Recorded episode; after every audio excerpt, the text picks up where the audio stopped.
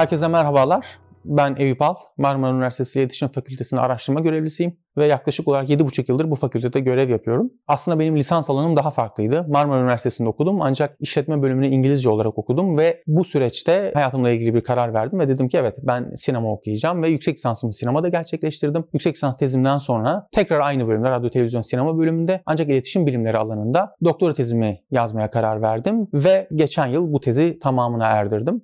Hala bu alanda bu fakültede görev yapmaya devam ediyorum ve temel ilgi alanlarım arasında sinema felsefesi, iletişim sosyolojisi ve yer yer medya araçlarının, iletişim araçlarının bizim bireysel ve gündelik hayatlarımıza dair çıktıları üzerine çalışıyorum. Ve bu bağlamda da sizlerle bugün e, son çıkan kitabımı doktora tezinden uyarladığımız, doktora tezimi ciddi bir şekilde revize ederek yeniden e, hazırladığımız kitabım üzerine konuşacağız.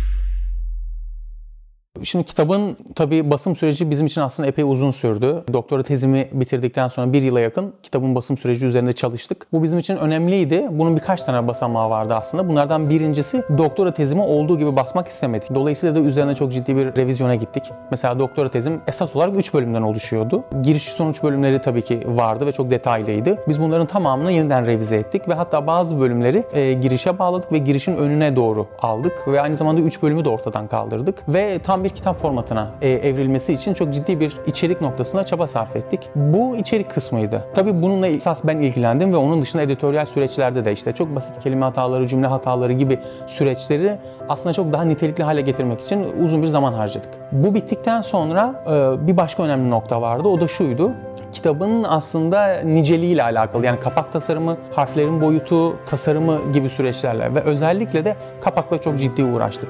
Yani sadece aslında bütün süreç bittikten sonra kapakla biz e, birkaç aya yakın uğraştık diyebilirim. Bir iki tane kapağı beğenmiştik ancak sonrasında acaba daha iyi bir kapak olabilir mi dedik ve en sonunda e, bu kapak üzerinde karar kıldık. Dolayısıyla e, açıkçası bu hali epey bir yazar olarak e, benim de içime sindi diyebilirim. Benim dışında tabii ki editoryal ekibin, editoryal süreçlerin de olumlu yönde katkısı oldu. Ve son olarak tekrar başa dönecek olursam şunu söylemem gerekir. Kitap tezle uyuşmasını istedik. Yani dolayısıyla da tezden bu anlamda ciddi ölçüde farklılaştırmaya çalıştık. Çünkü tez formatı bir kitap formatından çok farklı. Aynı zamanda iddiaları ve ifadeleri bakımından da orada bazı ifadeleri sadeleştirdik ve aynı zamanda da çok ciddi noktalarda yani dizilim itibariyle tezin akışı ile kitabın akışı noktasında da çok ciddi farklılıklara gittiğimizi söyleyebilirim. Ve en sonunda da dediğim gibi bu süreçler tamamlandıktan sonra çok ciddi okumaları yapıldı. Mesela şöyle bir nokta vardır. Bir doktor öğrencisi genelde kendisi tezini okur ve hatalarını kendisi fark eder. Ve en fazla danışmanı e, buna dikkat eder. Ancak e, kitap sürecinde öyle olmadı. Çok ciddi bir editoryal destek aldık. Dolayısıyla da oradaki basit hatalar, kelime hataları, cümle hataları ya da devrik cümle ya da geçişlerdeki bazı sıkıntılar noktasında benim çok içime sinen bir çalışma oldu. Dolayısıyla da böylece kitabı nihayete erdirmiş olduk.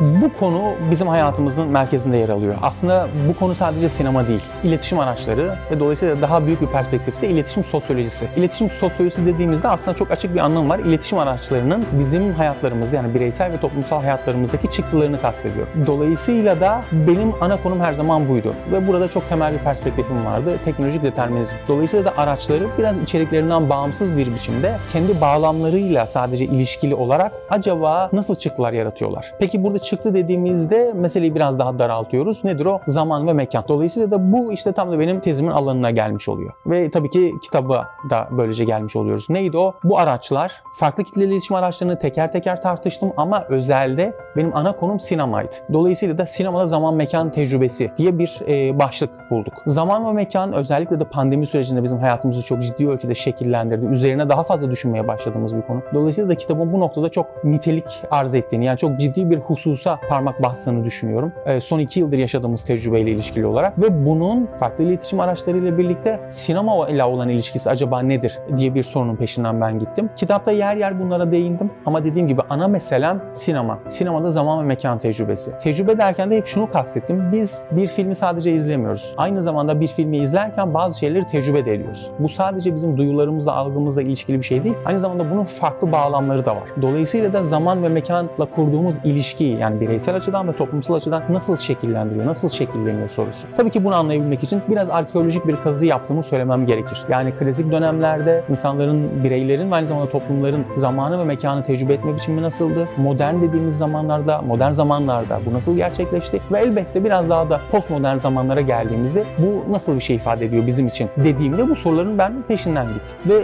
şu sorulabilir. Yani acaba okuyucu e, burada tam olarak ne bulabilir? Bana soracak olursanız aslında çok temel düzeyde herkesin ilgilendiği, ilgilenmesi gereken de bir mesele. Çünkü hayatlarımızın her daim içerisinde yer etmiş bu araçların mahiyeti hakkında bir sorgulama aslında bu. Tabii ki daha özelde de sinema ile ilgili bir sorgulama. Benim bu konuları çalışmamdaki temel sebeplerden biri de şu, hayatımızın merkezinde yer alıyor. Şöyle bir soru sorulabilir. Film izlemeyen biri var mı? Kitle iletişim araçlarını kullanmayan herhangi bir insan var mı? Dolayısıyla da burada çok ciddi bir yekün var. Çok ciddi bir kalabalık var.